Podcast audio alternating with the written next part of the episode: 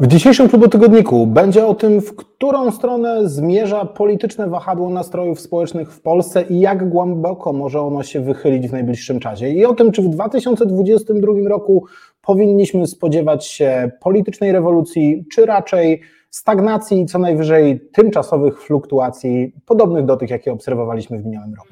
Zapraszam. To jest Klubotygodnik, audycja Klubu Jagiellońskiego, w której Piotr Trutnowski i Andrzej Kochut komentują wydarzenia krajowe i międzynarodowe. Możesz ją oglądać na YouTubie, a od października także słuchać na dobrych platformach podcastowych i portalu klubjagielloński.pl.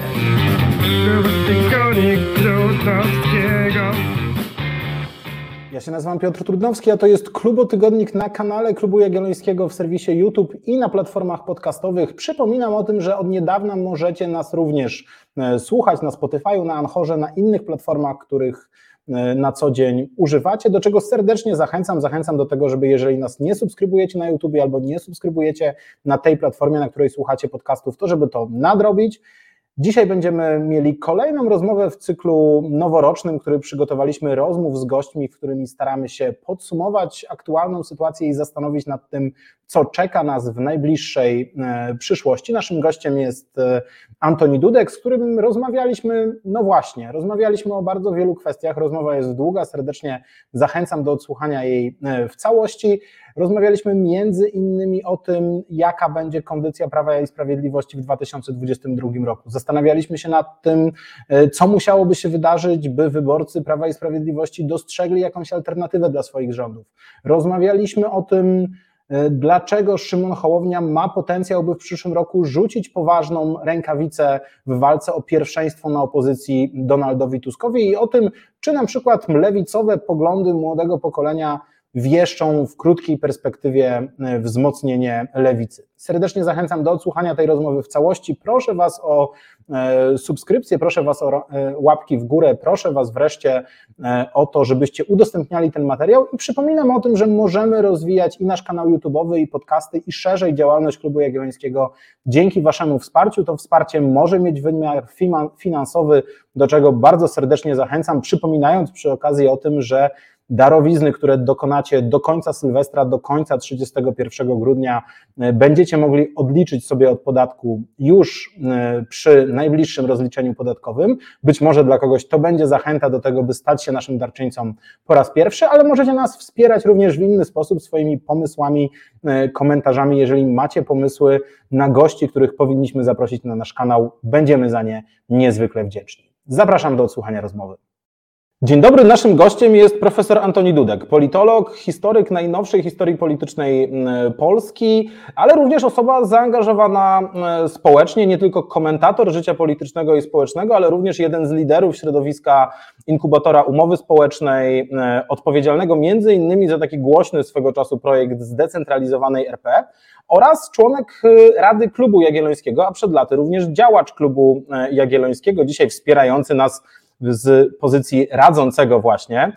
E, chcieliśmy z Antonim porozmawiać na temat politycznego, krajowego podsumowania roku 2021 i pokusić się o kilka prognoz dotyczących roku 2022. E, Antoni, pytanie, od którego chciałem zacząć, to pytanie tyczące się tego, czy dojdzie wreszcie do dużego przełomu politycznego. Kiedy wchodziliśmy w rok 2021, Widzieliśmy takie dołujące sondaże Prawa i Sprawiedliwości. Byliśmy po październikowych protestach związanych z ustawą aborcyjną e, czy z wyrokiem Trybunału Konstytucyjnego w tej sprawie. Wcześniej mieliśmy kryzysy Prawa i Sprawiedliwości związane chociażby z piątką dla zwierząt, która jest chyba takim niedocenianym elementem kłopotów e, sondażowych Prawa i Sprawiedliwości. Różne badania wskazywały że to był moment, w którym Prawo i Sprawiedliwość straciło sporą część e, swoich e, wyborców w tej podstawowej bazie w elektoracie e, małomiasteczkowym i wiejskim.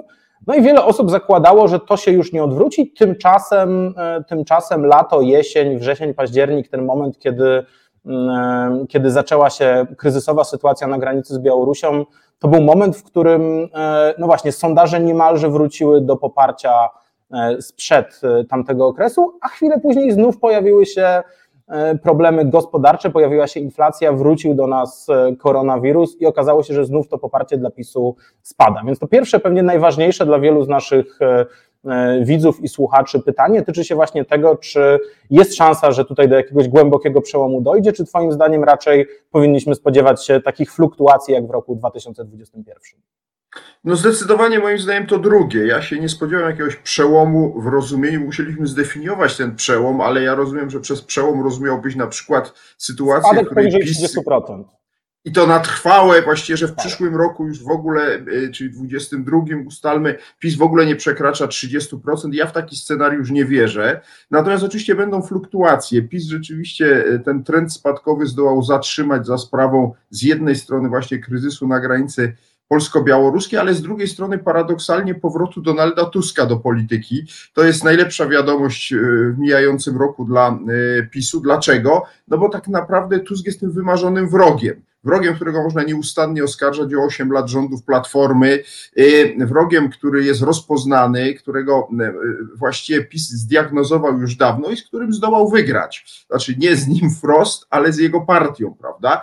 Więc y, ja mam takie poczucie, że, że tu będą fluktuacje, natomiast oczywiste jest, że jednak od 2019 roku widać, jak PiS słabnie jak w tej drugiej kadencji jest dużo, dużo słabszy niż po pierwszej, i to jest pewien fakt, który nie ulegnie zmianie. To znaczy, taka erozja powolna ogólnej kondycji partii rządzącej będzie postępowała, co wcale nie znaczy, że ona na pewno nie będzie rządziła po roku 23, bo to będzie taka pierwsza wielka cezura. Z prostego powodu, no, w świetle tych sondaży, nawet najgorszych, które PiS miał w tym roku, jasno wynika, że będzie miał, miałby przy takich nawet najgorszych sondażach największy klub w kolejnym Sejmie. A jeśli będzie miał największy klub w kolejnym Sejmie, to prezydent Duda zgodnie z z niepisaną tradycją, ale y, powierzy misję tworzenia rządu nowego y, y, przedstawicielowi PiSu, którego tam wskaże prezes Kaczyński. No i wtedy się nagle okaże, czy PiS ma jeszcze tę zdolność koalicyjną, czy nie. I dopiero gdyby się okazało, że nie ma tej zdolności koalicyjnej, nie jest w stanie zbudować z nikim, na przykład z Konfederacją, którą zapewne będziemy mieli także w następnym Sejmie koalicji większościowej, no to piłka stanie, znajdzie się na polu dotychczasowej opozycji, która być może wtedy spróbuje po raz pierwszy przejąć władzę. Ale tak naprawdę, jak mnie pytasz o przełom, to ja na horyzoncie widzę przełom dopiero za cztery lata. Znaczy koniec kadencji Andrzeja Dudy, rok 2025, ponieważ polska polityka, którą jak zauważyłeś, obserwuję od bardzo dawna, ma taką dziwną cechę, że w świetle konstytucji wybory par parlamentarne są oczywiście najważniejsze, ale jeśli chodzi o przełomy polityczne, o takie głębokie zmiany na scenie partyjnej, to paradoksalnie wybory prezydenckie okazują się dużo ważniejsze. I że tak powiem, wybory prezydenckie w 2025 roku mogą być właśnie takim y, game changerem, takim momentem, w którym naprawdę skończy się epoka rządów PiSu. Jest zresztą nie do końca, bo pozostanie sprawa Trybunału Konstytucyjnego, różnych pochowanych przez PiS zaskórniaków w różnych strukturach aparatu państwa. Ale póki Andrzej Duda, choć to weto ostatnie mogłoby kogoś zmylić i uznać, że on nagle się odwraca od środowiska PiSu, on się nie odwraca, on się odwrócił w tej konkretnej sprawie. Y, natomiast to nie znaczy, że on nie będzie bronił środowiska politycznego PiSu przez tak zwaną depisyzację, którą już zapowiadają e, różni e, politycy opozycji, jak tylko dorwą się do władzy. Andrzej Duda będzie bronił i moim zdaniem przy pomocy prezydenckiego weta będzie miał bardzo skuteczne narzędzie, bo ja nie sądzę, żeby opozycja, jeśli nawet przejmie władzę po 23 roku, miała e, te trzy piąte, które by umożliwiały swobodne odrzucanie weta prezydenckiego. Taki scenariusz tak zły dla PiSu wydaje mi się bardzo mało prawdopodobny. No dobrze, zanim przejdziemy do Andrzeja Dudy i tych wyborów prezydenckich w 2025 roku, chciałem dopytać o jeszcze jedną kwestię. No właśnie, bo różne badania wskazują, że E, choć PiS w różnych momentach traci, czy to tracił jesienią e, roku 2020 jeszcze, czy e, w ostatnich tygodniach również te sondaże są gorsze niż były chociażby jeszcze we wrześniu, no to właśnie niespecjalnie ktoś istotnie zyskuje. Publikowało chyba OKO.press swego czasu takie niezwykle ciekawe badanie, w którym wskazywało, że właśnie w tych dwóch kluczowych grupach kryzysowych w roku 20 roku, w roku 20, czyli wśród rolników i wśród kobiet, E, ci wyborczy, wyborcy i wyborczynie, no właśnie, zniknęli na jakiś czas z sondaży, a później, kiedy doszło do sytuacji takiej granicznej, która kazała się opowiedzieć po stronie rządu albo przeciwko niemu w postaci sytuacji, sytuacji na granicy, to okazało się, że ci wyborcy i wyborczynie zaczęły i zaczęli wracać. Dlaczego tak się dzieje? Co się dzieje z wyborcami Prawa i Sprawiedliwości, którzy przestają deklarować poparcie dla PiSu? I, no, i też to chyba istotne pytanie, którzy to są wyborcy? Jak dobrze wiemy, Prawo i Sprawiedliwość między 15 rokiem a 19 czy 20 e, w każdych kolejnych głosowaniach zdobywało, można powiedzieć, kolejne miliony e, głosów poparcia. To było chyba niespełna 6 milionów głosów w roku 2015, a już grubo ponad 8 milionów w roku 19, czy wreszcie rekordowe ponad 10 milionów głosów e, na obu kandydatów w drugiej turze wyborów prezydenckich, no ale jednak ponad 10 milionów głosów na Andrzeja Dudę. Kim są ci nowi, nowi wyborcy i jakich zachowań po nich powinniśmy się e, spodziewać? Co się z nimi dzieje wtedy, kiedy przestają mówić, że ufają Mateuszowi Morawieckiemu, Jarosławowi Kaczyńskiemu, Andrzejowi Dudzie i nie odpowiadają na pytanie o preferencje wyborcze, że na pewno zagłosują na PiS? Jak wiadomo, każda partia ma dwa w swoim elektoracie dwie grupy, tak zwany swój żelazny elektorat ideowy, który się trzyma tej partii właściwie, mimo, nawet jak ona jest w ciężkich opałach. I elektorat żelazny PiSu jest bardzo duży, bo moim zdaniem on przekracza grubo 20%. Ale żeby rządzić, tak jak to PiS robi od 2015, trzeba mieć odpowiednio dużą drugą grupę elektoratu. Ten elektorat, który nie jest ideowy, ale którego się udało pozyskać takimi czy innymi działaniami. Y, I to jest y, elektorat, który dziś y, dał PiSowi, czyli dał dwukrotnie władzę. To jest elektorat, który, który ja szacuję w przypadku PiSu no na właśnie, skoro dwadzieścia kilka procent to był ten żelazny elektorat twardy, no to kilkanaście procent do 20, nawet w tym szczytowym momencie, kiedy PiS dostawał 43%, to, to, to mogło nawet, ale to jest generalnie kilkanaście procent. To jest ten elektorat, który jest najbardziej, powiedziałbym, wędrującym elektoratem. O niego się toczy nieustanna wojna między głównymi graczami. On kiedyś dawał zwycięstwo Platformie, jeszcze kiedyś dawał zwycięstwo Sojuszowi Lewicy Demokratycznej. To nie są oczywiście ci sami zawsze ludzie, natomiast y, y, oni mają pewne wspólne cechy, a mianowicie oni nie mają bardzo wyrazistych poglądów politycznych i w ogóle polityką się za bardzo nie interesują. Natomiast no, idą na wybory, bo mam jeszcze potężną grupę Polaków, która w ogóle na żadne wybory nie chodzi, nawet jak się interesuje polityką, to oni są z punktu widzenia y, nas tutaj mało interesujący, no bo skoro nie głosują, to to nie ma znaczenia. Ale Mówimy o tych kilkunastu procentach, która głosuje, choć tak naprawdę swinguje, czyli zmienia te swoje preferencje. I tutaj y, moim zdaniem większość z nich ma poglądy centrowe.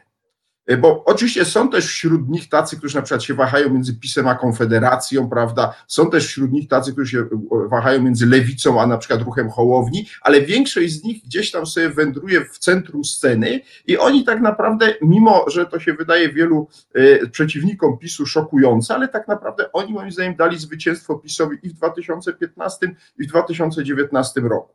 I moim zdaniem różne, powiedziałbym, radykalizmy PiSu odstręczają tych wyborców od, mm, od yy, właśnie głosowania dla tej partii. Natomiast w momencie, kiedy się pojawiło zagrożenie zewnętrzne, yy, czyli kryzys na granicy polsko-białoruskiej, to jest naturalny mechanizm, niezależnie od tego, kto rządzi, że ludzie, część tych ludzi yy, większość tych ludzi się konsoliduje wokół rządu. Jest rząd, państwo jest zagrożone, trzeba popierać. Oczywiście widać wyraźnie, że to zagrożenie powoli mija, że ten kryzys został też rozdęty trochę do pewnych z przyczyn propagandowych nie, nieprawdziwych rozmiarów i w moim przekonaniu tutaj PiS już nie, nie ma tego paliwa wynikającego z e, kryzysu polsko-białoruskiego i w związku z tym to poparcie zaczyna tracić. Teraz pytałeś, gdzie ci ludzie odchodzą, jak nie deklarują poparcia dla PiSu. Oni zazwyczaj mówią, że są niezdecydowani. Bo to nie jest tak, że jak ktoś w poniedziałek się rozczarował do PiSu, to we wtorek już na, ma drugą opcję. Nie. On przechodzi do takiej grupy y, właśnie niezdecydowanych i tam może sobie być dość długo, po czym może wrócić do tej partii, którą dotąd popiera, czyli do PiSu, ale może też się związać z kimś innym,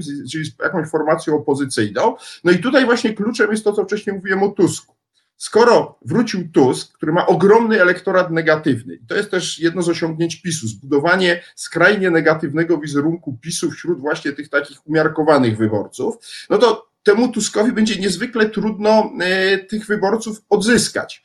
Dlaczego? No właśnie dlatego, że oni mają bardzo negatywny wizerunek jego, jego przywództwa I, i to jest paradoksalnie, Tuskowi się udało zatrzymać erozję Platformy Obywatelskiej, udało mu się na nowo odzyskać tych utraconych na rzecz ruchu Hołowni dawnych zwolenników Platformy, natomiast on nie jest kompletnie zdolny w moim przekonaniu do pozyskania kogokolwiek nowego, czyli tych wahających się. Tutaj tak naprawdę to jest pole dla przede wszystkim Szymona Hołowni, e, który no, z różnym skutkiem, ale próbuje tych właśnie ludzi odchodzących od PiSu na lewo oczywiście e, pozyskać, podobnie jak tych odchodzących na prawo od PiSu próbuje pozyskać Konfederacja. I tu z kolei mamy klucz do odpowiedzi, dlaczego polityka rządu wobec pandemii od lata tego roku jest taka, a nie inna ponieważ każda próba naciśnięcia choć trochę Polaków, żeby się zechcieli szczepić, powodowałaby, jak wynika z badań, które przeprowadzono i które oczywiście e, w szczegółowejszej wersji są dostępne tylko dla polityków PiSu, ale w tej, tej mniej szczegółowej także zostały zrobione niezależnie od PiSu, wynika, że no, najkrócej mówiąc przyciśnięcie spowodowałoby, że kilka procent dzisiaj zwolenników PiSu przerzuciłoby swoje głosy na Konfederację. I to jest coś, czego PiS to jest czarny sen prezesa Kaczyńskiego. Słabnący PiS rosnąca konfederacja. To zresztą akurat tutaj na marginesie chyba warto zwrócić na to uwagę, bo to pewnie zaskoczenie dla wielu e, słuchaczy, obserwatorów e, sceny politycznej. Drugą taką formacją o elektoracie najbardziej sceptycznym wobec i ograniczeń covidowych, i polityki pandemicznej i przymusowości szczepień jest właśnie formacja Szymona Hołowni, więc również ci wyborcy PiSu, których Konfederacja mogłaby odstraszyć, mogliby próbować w E, ugrupowaniu Szymona Hołowni szukać sobie e, takiego miejsca, co zresztą chyba e, sam Szymon Hołownia niedawno zrozumiał, publikując taki list, w którym wręcz pisał o tym, że wyborców, którzy nie chcą się szczepić, nie można nazywać antyszczepionkowcami, że ich trzeba spokojnie przekonywać, bo zdał sobie sprawę z tego, że również w jego elektoracie jest na, jest na tle tej kwestii bardzo głęboka polaryzacja, opierająca się właśnie o to, że E, że no właśnie nie tylko osoby o skrajnie prawicowych poglądach, czy tym takim usposobieniu wolnościowym charakterystycznym dla Konfederacji mają te e, poglądy, to chyba w ogóle jest szerszy problem, bo w deklaracjach wyborców e, Szymona Hołowni jest wiele deklaracji lewicowych, a kiedy spojrzy się na konkretne pytania, to okazuje się, że to faktycznie taka dość klasyczne ugrupowanie centrum i tu chyba jest spory dla Szymona Hołowni potencjał. W jednym z niedawnych wywiadów mówiłeś o tym, o czym my też pisaliśmy w 2021 roku kilkukrotnie, e, że widzisz potencjał na to, by e, no właśnie, powstało to drugie silne płuco opozycji w efekcie współpracy, potencjalnej współpracy Szymona Hołowni i Władysława Kosiniaka-Kamysza. Jak sobie taki projekt wyobrażasz i czy twoim zdaniem on mógłby być konkurencyjny dla Platformy Obywatelskiej, czy jednak z pewnością musiałby pozostać takim junior partnerem? I wreszcie, czym taki projekt różniłby się no właśnie, rozpięty pomiędzy skrzydłami lewicowymi, a takim skrzydłem konserwatywnym, czy on właściwie różniłby się od Platformy, która też jakkolwiek mniej niż przed laty, no ale cały czas próbuje opowiadać o sobie jako o partii o szerokich skrzydłach, e, w takim, takiej, w której mogą się odnaleźć i politycy bardziej konserwatywni i e, wywodzący się z lewicy. Znaczy, w moim przekonaniu, y, jeśli rzeczywiście i Kosiniak-Kamysz, który tego najbardziej potrzebuje, ale i Hołownia myśli o tym, żeby zostać w przyszłości premierem i rzeczywiście mieć decydujący głos w tej koalicji opozycyjnej, bo jeśli powstanie jakiś rząd rzeczywiście antypisowski, no to będzie musiał być złożony tak naprawdę z wszystkich elementów opozycji na lewo od PiSu, które wejdą do następnego Sejmu, czyli z czterech, a może nawet więcej, ale jeśli chce mieć tam dominującą rolę, to musi teraz, czyli na powiedzmy półtora roku y, prawie dwa lata przed wyborami parlamentarnymi, e, zacząć e, budować swoją siłę w postaci no, bycia głównym, liderem głównej formacji opozycyjnej. I teraz był już blisko tego w momencie, kiedy Platforma Obywatelska się sypała pod rządami Budki. Powrót Tuska to zablokował. Tusk odzyskał pozycję lidera Platformy i zarazem Platforma stała się główną siłą opozycyjną. I teraz właściwie ja nie widzę szans po tym pół roku, kiedy Hołownia próbuje stać, stawić czoła e, Tuskowi, żeby e, Hołownia samodzielnie odzyskał tą, tą, tą pozycję, o którą walczył, czyli pozycję głównej siły opozycyjnej wobec PiSu. Natomiast połączywszy siły z tym mniej więcej 5% elektoratem koalicji polskiej, czyli tak naprawdę no, Kosiniakiem, Kamyszem i PSL-em, zyskuje taki, można powiedzieć, dopalacz, który daje mu szansę, to nie jest gwarancja sukcesu, ale daje mu szansę stanięcia znowu do walki z e, Tuskiem o palmę pierwszeństwa i paradoksalnie daje to większe szanse na lepszy wynik opozycji później, czyli w, w, tym decydującym starciu z PiSem, z prostego powodu, bo Hołownia nie ma tak negatywnego elektoratu jak Tusk, o czym wcześniej mówiłem. Oczywiście będzie go jakoś tam obciążał Kosiniak jako ten minister z rządu pisowskiego, e, rządu Platformy. Oczywiście Kosiniak był przecież ministrem e, w, rządzie, w rządzie Tuska, co nie zmienia faktu, że no wszyscy Pewnie wiedzieli, że jeden była Platforma. na połownie ostatecznie, prawda? No więc właśnie, więc, więc, więc dlatego ja uważam, że to jest szansa dla Hołowni, rzeczywiście sojusz z Kosiniakiem. Dla Kosiniaka to jest w ogóle szansa przetrwania w polityce, bo PSL cały czas balansuje na na granicy progu wyborczego i ten sojusz, czy on by się różnił od e, e, Tuska? No to jest sedno sprawy. W sensie takim stricte programowym, to to jest do wymyślenia dopiero, czym by się miał różnić. Natomiast w sensie świeżości, no byłby właśnie świeższy. Byłby nowy, no bo e, wokół Hołowni, na tym polegało też ryzyko Hołowni przygarniania kolejnych byłych polityków Platformy. Jeżeli on będzie dalej szedł tą drogą, będzie przygarniał kolejnych polityków Platformy, to za chwilę rzeczywiście nie będzie w stanie stwierdzić, że jest czymś innym niż Platforma BIS Dlatego to jest niezwykle, moim zdaniem, ryzykowne posunięcie, przyjmowanie kolejnych polityków i polityczek Platformy e, do swoich szeregów. E, natomiast ciągle jeszcze mam wrażenie, że może próbować przekonać wyborców, że to nie jest po prostu Platforma Obywatelska BIS, zwłaszcza jeżeli dołączą nowi ludzie do, do, do tego ruchu właśnie e, z połączenia Koalicji Polskiej i ruchu Polska 2050 pojawiłyby się nowe twarze, jeszcze jakieś spoza polityki obecnej, to dałoby się to sprzedać jako całkowicie nowy projekt. Natomiast oczywiście co do programu, no to to jest kwestia pracy. Rzeczywiście ruch Hołowni próbuje e, e, budować program e, w przeciwieństwie do Tuska. To jest podstawowa różnica. O może to jest sedno sprawy.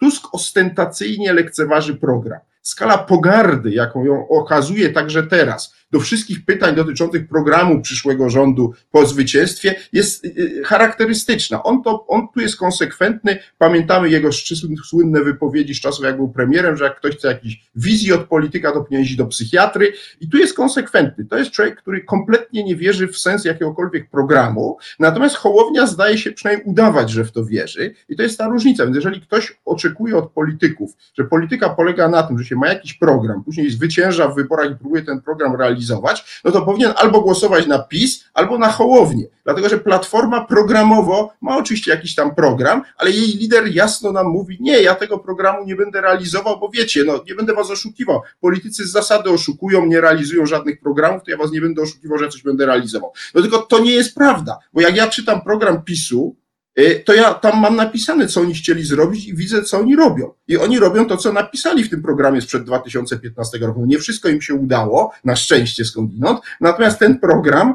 y, jest program, jeżeli oni na przykład mówili, że będą centralizować Polskę, to oni ją centralizują. Jeżeli oni mówili, prawda, że będą rozbudować politykę społeczną, oni ją rozbudowują. Jeżeli oni mówili, że będą e, e, zmieniać politykę zagraniczną w ten sposób, że pójdziemy na, na, na wojnę z elitami brukselskimi, z Niemcami, e, to oni to realizują. Więc, więc to nie jest tak, że, że, że, że Tusk mówi prawdę o polityce. Nie, on mówi prawdę o sobie. Tak, to chyba jest swoją drogą też jeden z takich niedocenianych czynników tego, dlaczego Prawo i Sprawiedliwość wybory w 2015 roku w jakimś sensie wygrało trochę przypadkiem, no bo pamiętamy, że to wtedy porażka lewicy była e, źródłem tej samodzielnej większości e, Zjednoczonej Prawicy, ale już umacnianie władzy przypadkiem nie było. Umacnianie było władzy brało się z tego, że Polacy chyba pierwszy raz od wielu lat mieli poczucie, że zagłosowali na formację, która naprawdę robi to, co e, obiecywała. Ale skoro już lewicę wspomnieliśmy, to to jest jeszcze jedno pytanie, które chciałem postawić. E, pamiętam, że część analityków po wyborach w 2019 roku mówiła o tym, że to właśnie lewica, ta zjednoczona z trzema tenorami, e, ma szansę stać się zagrożeniem dla Platformy Obywatelskiej. E, to z jednej strony wydaje się, że się nie udało. Z drugiej strony, dlaczego właściwie Szymon Hołownia miałby decydować się na współpracę z Polskim Stronnictwem Ludowym, a nie pójść w stronę właśnie tego młodszego, lewicowego, wielkomiejskiego elektoratu i dogadywać się na przykład z tą częścią lewicy, która pozostanie pozostanie e, samodzielna po pewnie kolejnych odejściach do szeroko rozumianej koalicji obywatelskiej czy obozu e, Donalda Tuska. I czy, mm, no i czy właśnie Twoim zdaniem lewica ma do odegrania podmiotową rolę w najbliższych latach, czy jest skazana na ostateczne dołączenie się do któregoś z dużych obozów, czy to tego budowanego przez Szymona Hołownię, czy to po prostu przez Platformę Obywatelską i Donalda Tuska? W najbliższych latach, moim zdaniem, lewica jest skazana na dołączenie do, no mówiąc krótko, reszty opozycji, która jest od niej silniejsza, z prostego powodu, no, poparcie dla lewicy, już inna rzecz, że podzielonej, nie przekracza tak naprawdę 10%. Lewica jest z powodów, powiedziałbym, pewnych procesów, które trwają w dziesięcioleciach, ma fazę doł, doła, doła, takiego jak polska prawica miała mniej więcej e, w, e, e, na początku XXI wieku, kiedy SLD święcił triumfy, mieliśmy rząd Millera, mieliśmy prezydenta Kwaśniewskiego, prawica była rozproszona i po 2001 roku zaczął się proces ponownej konsolidacji polskiej prawicy i efekt jest taki, że ona po 2005 zaczęła dominować w wersji czy to pisowskiej, czy w wersji platformowej, natomiast lewica poszła głęboką odstawkę, z której moim zdaniem wróci. Bo jak się czyta badania stanu świadomości młodego pokolenia, to tam bardzo poglądy lewicowe są bardzo popularne, no ale to dekada minie, zanim to się Przede na tyle... Samo definicja i samo określenie lewicowe, bo co do poglądów to jest to... zwykle kwestia nieco bardziej skomplikowana. To prawda. Natomiast jednak ja twierdzę, że lewica w dłuższej perspektywie oczywiście ma w Polsce przyszłość. Natomiast krótkoterminowo będzie tylko jednym z elementów układanki, no właśnie, którą będzie albo Tusk, albo Hołownia tworzył. I teraz dlaczego Hołownia może oczywiście pójść na lewo, tylko to jest bez sensu, ponieważ tak jak wcześniej mówiłem, o wyniku wyborów zdecydują ci centrowi wyborcy niezdecydowani porzucający PiS. I ich trzeba pozyskać, bo co z tego, że y, y, Hołownia odbierze na przykład część wyborców y, nowej lewicy, która być może w związku z tym nie przekroczy progu, a jeśli pójdzie samodzielnie do wyborów, co też jest możliwe, no to powtórzy się rok 2015 i tylko PiS na tym skorzysta. To byłaby kompletnie błędna strategia. Hołownia powinien walczyć o centrum i tu Kosiniak jest dobrym sojusznikiem, dlatego że Kosiniak cały czas właśnie tkwi w centrum sceny, próbuje walczyć z PiSem o ten umiarkowanie konserwatywny elektorat. E, on się w wielu sprawach zachowuje inaczej zupełnie niż Platforma Obywatelska, no choćby kryzys na granicy polsko-białoruskiej to pokazał. Więc e, mam wrażenie, że właśnie Kosiniak jest korzystniejszym koalicjantem dla dla e, Hołowni niż właśnie ci politycy lewicy, dlatego byłem zdziwiony, kiedy on przyjmował różnych ludzi z lewicy do swojego ugrupowania. Ja rozumiem, że on bardzo, mówił o Hołowni, bardzo chciał mieć swoich parlamentarzystów, ale w moim przekonaniu e, skórka nie była warta wyprawki. Ja dzisiaj mam, podobnie jak wielu innych, wątpliwości co do tego właściwie, czy rzeczywiście ruch Hołowni jest ugrupowaniem centrowym, czy bardziej centrolewicowym. No ale to oczywiście czas pokaże. Natomiast powtórzę raz jeszcze to, co mówiłem wcześniej kto w Polsce wygra wybory w 2023 roku, zdecyduje te kilkanaście procent wyborców w centrum. Oczywiście nie wszyscy z nich mają centrowe poglądy, ale większość tej grupy ma. I tu się będzie toczyła walka między PiSem i teraz pytanie kim?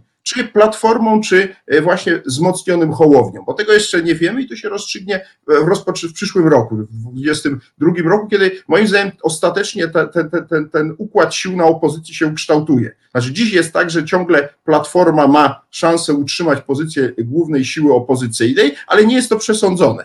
E, I to się rozstrzygnie w przyszłym roku. Jeżeli w przyszłym roku Hołownia nie wymyśli sposobu, jak e, wyjść na, przed Tuska w sondażach, to oczywiście Tusk będzie prawdopodobnie kandydatem na premiera antypisowskiego rządu z wszystkimi tego dla całej dzisiejszej opozycji negatywnymi konsekwencjami.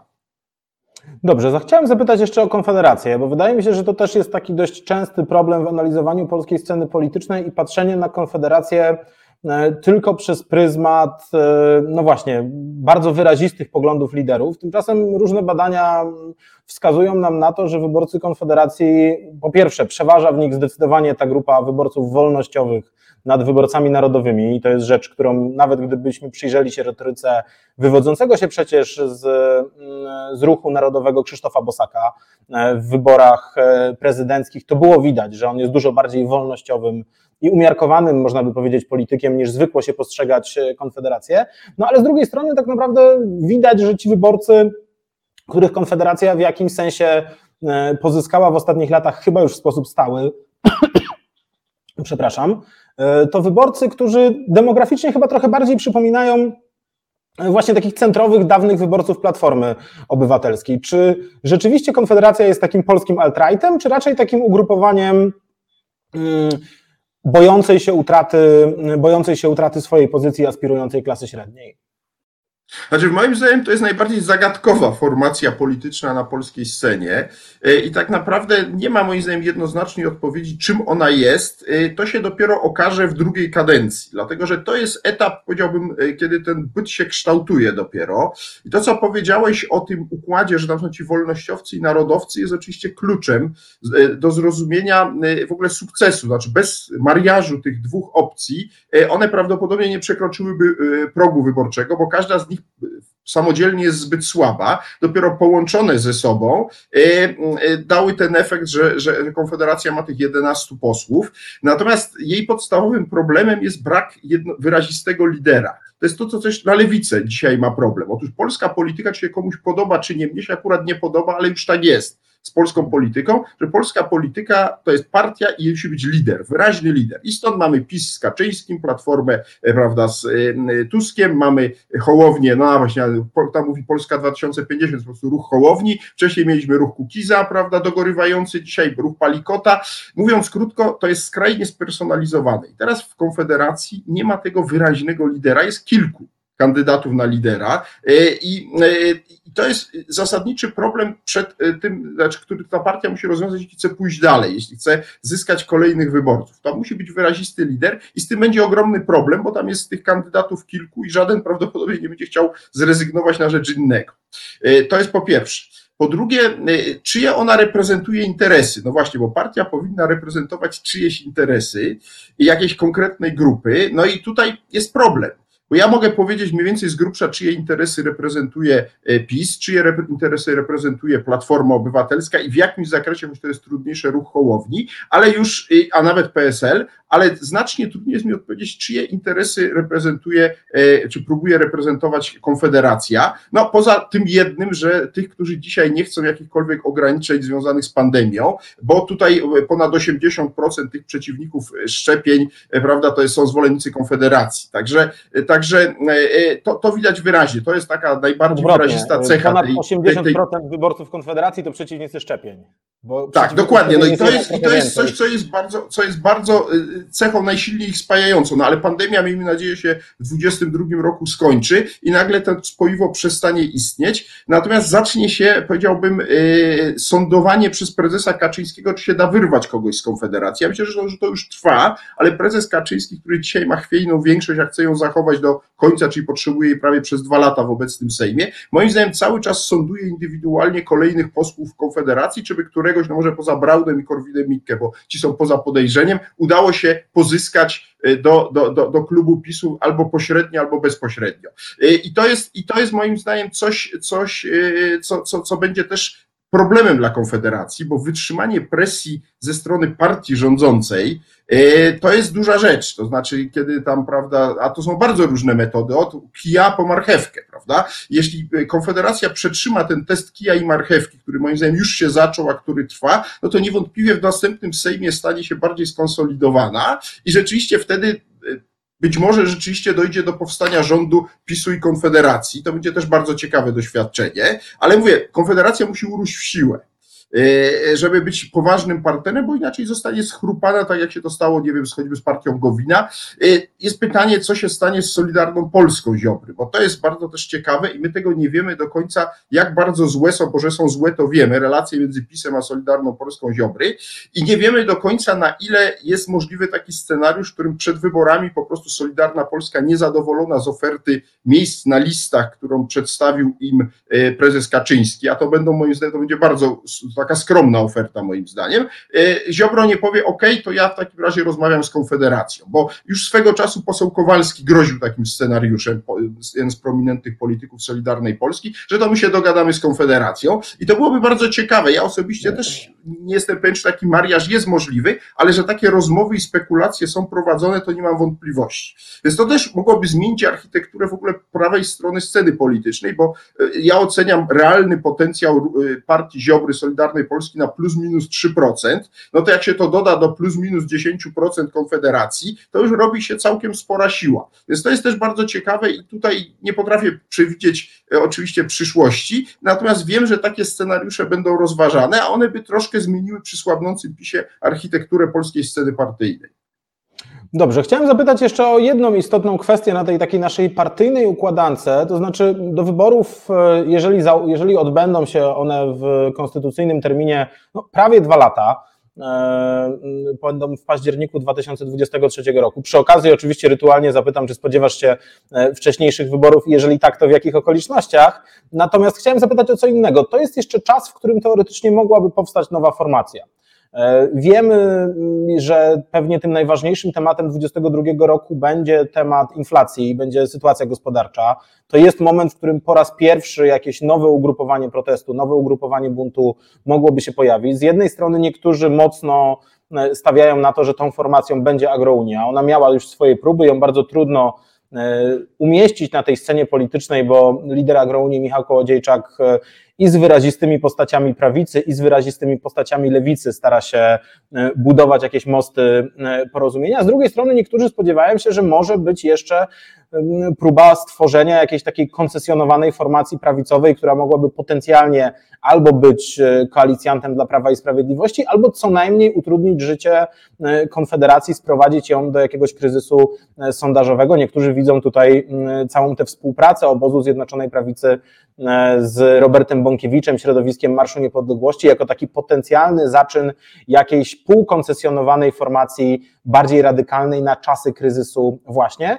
Wreszcie niektórzy spodziewają się, że to gdzieś po zupełnie innej stronie sceny politycznej mógłby się pojawić jakiś taki radykalne ugrupowanie protestu, ale innego rodzaju protestu, bardziej przypominające taki, taki protest jak e, E, jak deklarował go Janusz Palikot chociażby. Czy ty widzisz miejsce na to, żeby coś nowego się pojawiło i mogło odnieść w roku 2023? Bo właściwie przy każdych dużych przerwach między wyborami w ostatnich latach e, tego typu formacje od końca LPR-u i samoobrony zawsze ktoś taki się pojawiał. Czy to był Palikot, czy Kukiz, czy e, Nowoczesna, czy Hołownia, jednak zaczynający swoją przygodę od wyborów prezydenckich takie próby nie tylko podejmowali, ale właściwie wszyscy odnosili całkiem poważne sukcesy.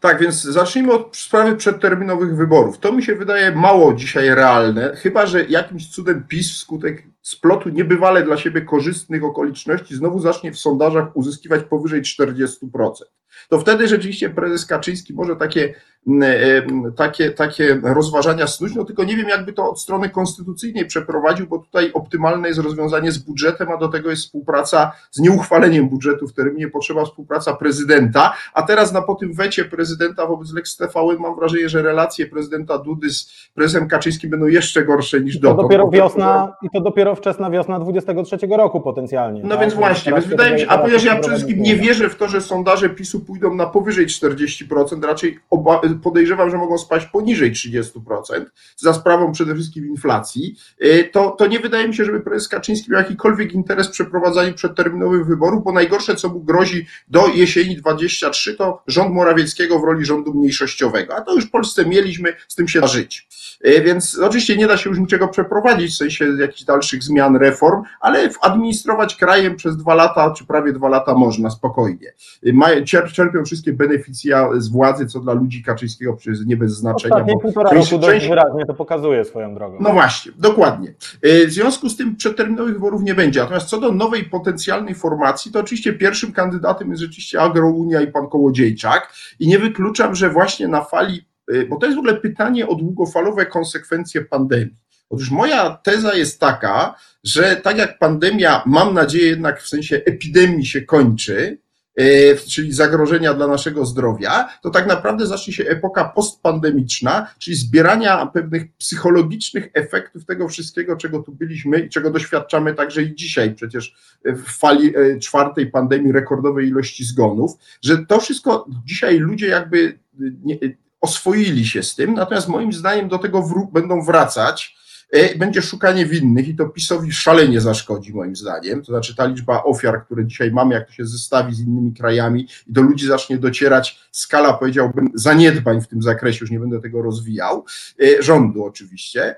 E, w związku z tym to PiSowi narobi ogromnych problemów i to też może być elementem jakby pewnych połączeniu z pewnym strachem, który pandemia wywołała, strachem przed dekoniunkturą gospodarczą, którą rzeczywiście na horyzoncie gdzieś tam widać. Inflacja jest na razie jej pierwszym zwiastunem. Ja nie mówię, że na pewno nas czeka stagflacja, czyli połączenie stagnacji gospodarczej z inflacją, ale taki scenariusz jest możliwy. Gdyby coś takiego się wydarzyło, no to wtedy nie tylko PiS ma ogromne problemy, ale także powstaje ogromne pole dla działania dla takich różnych radykalnych ruchów populistycznych jak Agrounia. I w tym sensie w tym sensie ja myślę, że, że e, e, tutaj jest pole dla powstania nowych ruchów, ale też, żeby była jasność, to nie będą ruchy, które wywrócą całą scenę polityczną, e, zwłaszcza w najbliższym czasie do góry nogami, czyli taka agrounia być może, czy coś na bazie tego co by powstało, może wejść do Sejmu, ale nie będzie tam oczywiście siłą decydującą, rozdającą karty. Będzie to tym, czy był kiedyś ruch Kukiza, czy wcześniej był ruch Palikota, e, czy, czy samoobrona, a więc formacją, którą się czasem doproszało do koalicji rządowej, czasem nie, ale ona tam nie nadawała tonu. Polską polityką rządzi ciągle na razie PiS i Platforma ten duopol dominuje. Być może Hołowni uda się to zmienić, ale tego nie wiemy. E, a jeśli nie, no to wiemy, kto będzie nadawał ton e, w następnym układzie rządowym, albo PiS, albo Platforma. E, więc tutaj mówienie o jakiejś głębokiej zmianie z powodu takiego ruchu protestu wydaje mi się mało realne, bo po prostu no, dotychczasowe doświadczenia pokazują, że te ruchy mają podstawowy problem, jak już im się uda wejść do parlamentu, to mają podstawowy problem z utrzymaniem spójności. No przecież te wszystkie ugrupowania, które wymieniłeś, właściwie już ich nie ma, albo zostały resztówki, tak jak prawda, trzyosobowa koło Kukiza. Prawda, który miał kiedyś ponad 40 posłów, to jest miara klęski tego polityka, ale przecież nie tylko jego. E, bo przecież e, po samoobronie nic nie zostało, e, po, po ruchu Palikota nic nie zostało, poza Biedroniem, prawda, jako pewnym człowiekiem, który tam zaczynał swoją, swoją karierę polityczną. Czyli mówiąc inaczej, podstawowym problemem w systemie demokratycznym nie jest tylko zbudowanie jakiegoś ruchu politycznego, który przekroczy próg wyborczy, wejdzie do Sejmu, tylko przetrwanie dwóch kadencji w tym Sejmie. Bo, bo jedną kadencję no to się zwykle udaje, po czym pod koniec tej kadencji właściwie już zostaje tylko e, fasada, to znaczy, że cały, cały środek jest wy, wy, wydrążony przez tych silniejszych graczy. E, I to, to, jest, to jest coś, co e, no niestety, czy się to komuś podoba, czy nie rządzi polską polityką. Mamy obok tych dwóch głównych partii jeszcze te dwie e, słabsze, czyli PSL, który z wielkim trudem, ale trzyma się na scenie, no i mamy dawne SLD, które jako nowa lewica też jeszcze tym starym potencjałem aparatu partyjnego SLD-owskiego jakoś jeszcze się trzyma na scenie, ale być może 23 rok położy kres jeśli się Kosiniak nie dogada rzeczywiście z kimś silniejszym, czyli z Hołownią albo z Platformą, to być może PSL wypadnie z, kolei, z następnego Sejmu, natomiast z kolei Lewica y, no, może się nie tyle znaleźć poza Sejmem, bo to wydaje mi się mało prawdopodobne, ale znajdować się dalej w stanie takiego, powiedziałbym, roz, rozbicia bardzo silnego jeszcze przez całą dekadę. Bo, bo na razie Adrian Zandberg, którym ja widzę jedynego obiecującego polityka lewicy, takiego młodego z pewnym dynamizmem, bo Biedroń się moim zdaniem kompletnie posypał w wyborach prezydenckich i widać, że on nie ma tego formatu takiego samca alfa, który to ściśnie w swoim ręku, więc jeżeli Zandberg się nie weźmie w garść, nie zacznie tych przejmować po kolei tych rozproszonych podmiotów lewicowych, no to będziemy czekać na pojawienie się tam kogoś takiego, bo wrócę raz jeszcze do tego, co mówiłem wcześniej. No, polska polityka, czy się to komuś podoba, czy nie, działa na zasadzie takiej, że musi być lider, no bądź ewentualnie liderka, ale tu na razie takiej nie ma. Czyli to nie jest kwestia płci, tylko osobowości, no, który jest w stanie w ten czy w inny sposób skonsolidować wokół siebie odpowiednio dużą grupę ludzi i przetrwać kilka kadencji. No i to się udało Tuskowi w polskiej polityce, to się udało e, oczywiście Jarosławowi Kaczyńskiemu i właściwie nikomu innemu, dlatego że Miller odziedziczył ten post-PZPR-owski e, konstrukt z Kwaśniewskim, odziedziczyli e, w postaci SLD.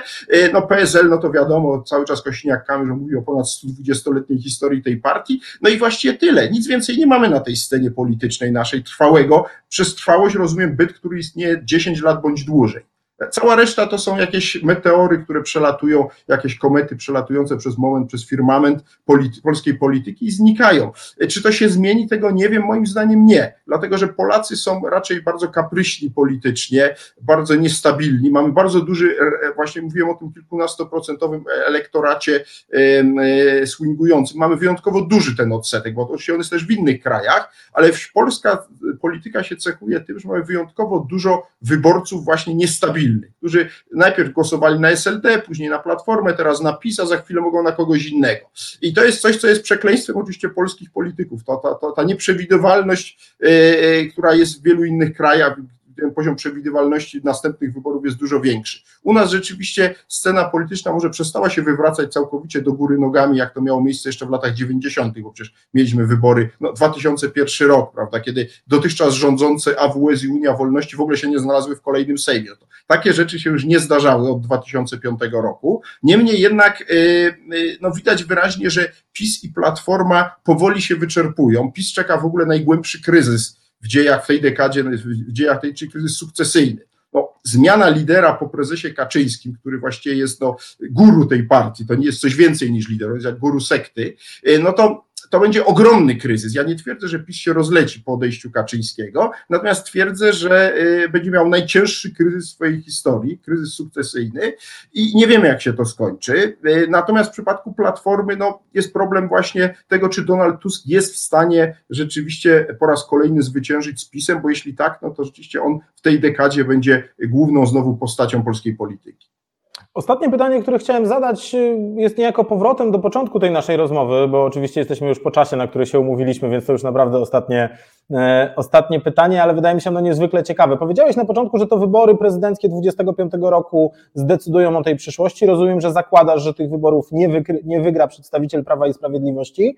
Kto to będzie? Bo z jednej strony mamy, no właśnie, e, mamy z jednej strony takie propozycje, które mówią o tym, że Polska staje się, Polska jest już inna, staje się bardziej centrowa, również w efekcie polityki e, socjalnej PiSu. Szereg osób awansowało do klasy średniej, o tym mówią E, badacze, czy Marcin Duma, czy Marcin Paladę e, pisali o tym wielokrotnie w ostatnim czasie. Inni z kolei mówią, że jednak po tak głębokim wychyleniu wahadła w prawą stronę, no właśnie, ci młodzi wyborcy mają bardzo lewicowe poglądy, e, Platforma Obywatelska jest już inna, Rafał Trzaskowski był przykładem takiego kandydata dużo bardziej lewicowego niż wszyscy dotychczasowi potencjalni liderzy tego obozu politycznego E, którzy przecież byli umiarkowanymi konserwatystami, gdy kandydowali na takie funkcje jak, e, jak funkcję prezydenta. Czego byś, się, czego byś się spodziewał, jak miałby ten 2025 rok wyglądać i w ogóle szerzej ta kolejna popisowska epoka, e, czy to raczej będzie odbicie wahadła radykalnie w lewą stronę, czy bardziej umiarkowane, bardziej umiarkowane przejście? Znaczy, jeśli chodzi o wybory prezydenckie w 2025 roku, to możemy być jednego pewni czy niemal pewni, bo pewnie nie możemy w polityce być niczego, że raczej nikt nie wygra w pierwszej turze, w związku z tym będzie druga tura. I teraz dla mnie nie ulega wątpliwości, że w tej drugiej turze znajdzie się kandydat bądź kandydatka PiSu. Dlatego, że nawet jeśli w 2023 roku PiS przegra wybory, to to jest ciągle potężny obóz polityczny, który wyłoni takiego kandydata bądź kandydatkę, która wejdzie do drugiej tury. Tyle, że po drugiej stronie stanie ten ktoś, kto będzie reprezentował cały antypis, i on już w tej chwili jest, moim zdaniem, demograficznie liczniejszy od PiSu, obozu pisowskiego. O mały włos to by się już stało i mieliśmy zupełnie inną sytuację polityczną w roku 2020, gdyby Rafał Trzaskowski okazał się bardziej zdeterminowany, że tak powiem, w pozyskiwaniu elektoratu antypisowskiego, tak jak PiS był zdeterminowany w pozyskiwaniu elektoratu dla Dudy. E, czyli inaczej mówiąc, ja tu wracam do sprawy debaty w Końskich i do e, zreiterowania przez Trzaskowskiego niewzięcia udziału w tej debacie, która była dla niego jedyną szansą w całej kampanii prezydenckiej, żeby zadać nokautujący cios Dudzie.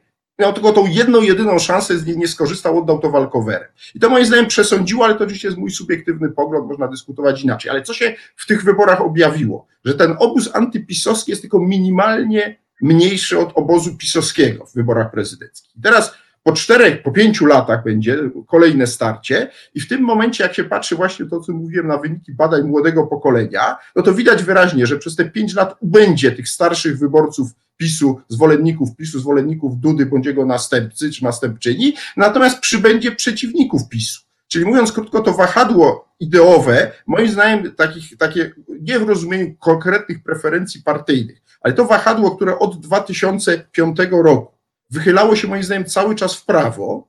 Moim zdaniem w wyborach prezydenckich w 2025 roku zacznie ruch w drugą stronę.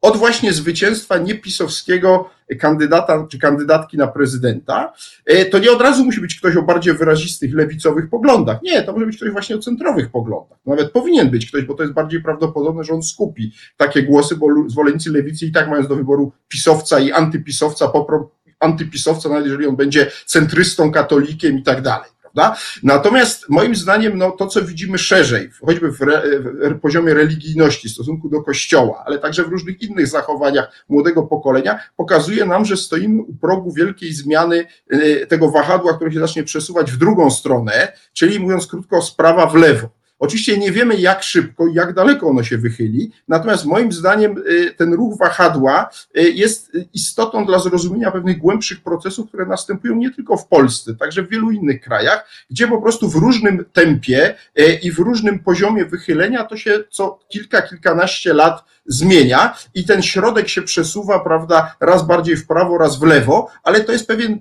powiedziałbym, uniwersalny mechanizm. Oczywiście jego się nie da przewidzieć, nie da się tego tempa przesuwania tego wahadła, a zwłaszcza głębokości jego wychylenia przewidzieć. Natomiast widać wyraźnie, jak e, wyczerpują się te e, mechanizmy, czy te, te, te, te procesy, które wspierały wychylenie w prawo.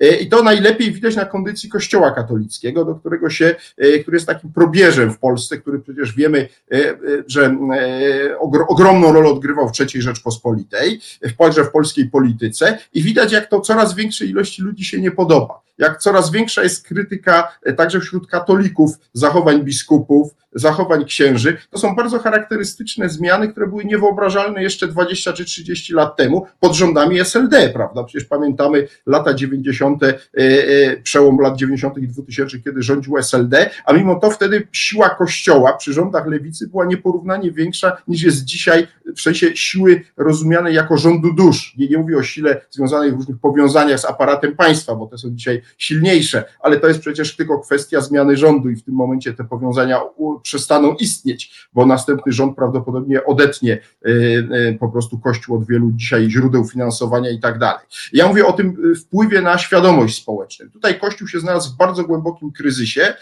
i ja nie widzę na razie, że tak powiem, światełka w tunelu. Mam wrażenie, że ten zjazd Kościoła dopiero się zaczyna i nie wiemy, jak on się skończy, bo też nie jestem takim pesymistą, który by uważał, że Kościół w ogóle w Polsce zniknie, bo oczywiście nie zniknie, natomiast będzie musiał wrócić do korzeni, będzie musiał wrócić do fundamentów i zacząć odbudowywać swoje znaczenie zupełnie od zera, dlatego że no, popełniono ogromną ilość błędów, to już nie jest czas temat rozmowy, ale wystarczy posłuchać no, choćby księdza profesora Andrzeja Kołbilińskiego z mojego e, uniwersytetu, czyli kardynała Stefana Wyszyńskiego, katolickiego uniwersytetu, co on mówi. I to jest człowiek, który znakomicie diagnozuje jeden z najwybitniejszych polskich kapłanów kondycję polskiego kościoła. I, i ja podzielam jego poglądy. I tu postawmy kropkę, bo tak się składa, że kolejna z naszych umówionych rozmów e, na ten czas noworoczny w pierwszym tygodniu stycznia z redaktor Moniką Białkowską właśnie na temat kondycji polskiego kościoła mamy zaplanowaną, więc e, niejako od wątku, od wątku o którym, e, na którym profesor Antoni Dudek zakończył, rozpoczniemy jedną z naszych kolejnych rozmów. Bardzo Ci Antoni serdecznie dziękuję za tą dziękuję. przekrojową i pogłębioną analizę polskiej e, sceny politycznej. Życząc wszystkiego dobrego, wszystkiego dobrego w nowym roku.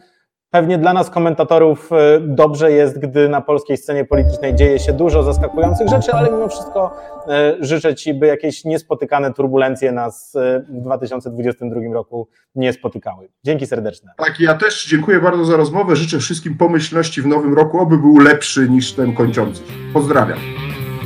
To był Klubotygodnik Audycja Klubu Jagiellońskiego dostępna teraz w wersji YouTube'owej i podcastowej.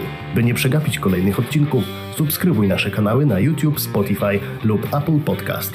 A najlepiej zapisz się na nasz newsletter, wchodząc na www.klubjagielloński.pl. Tam też możesz wesprzeć finansowo naszą aktywność podcastową i vlogową. Bardzo to prosimy.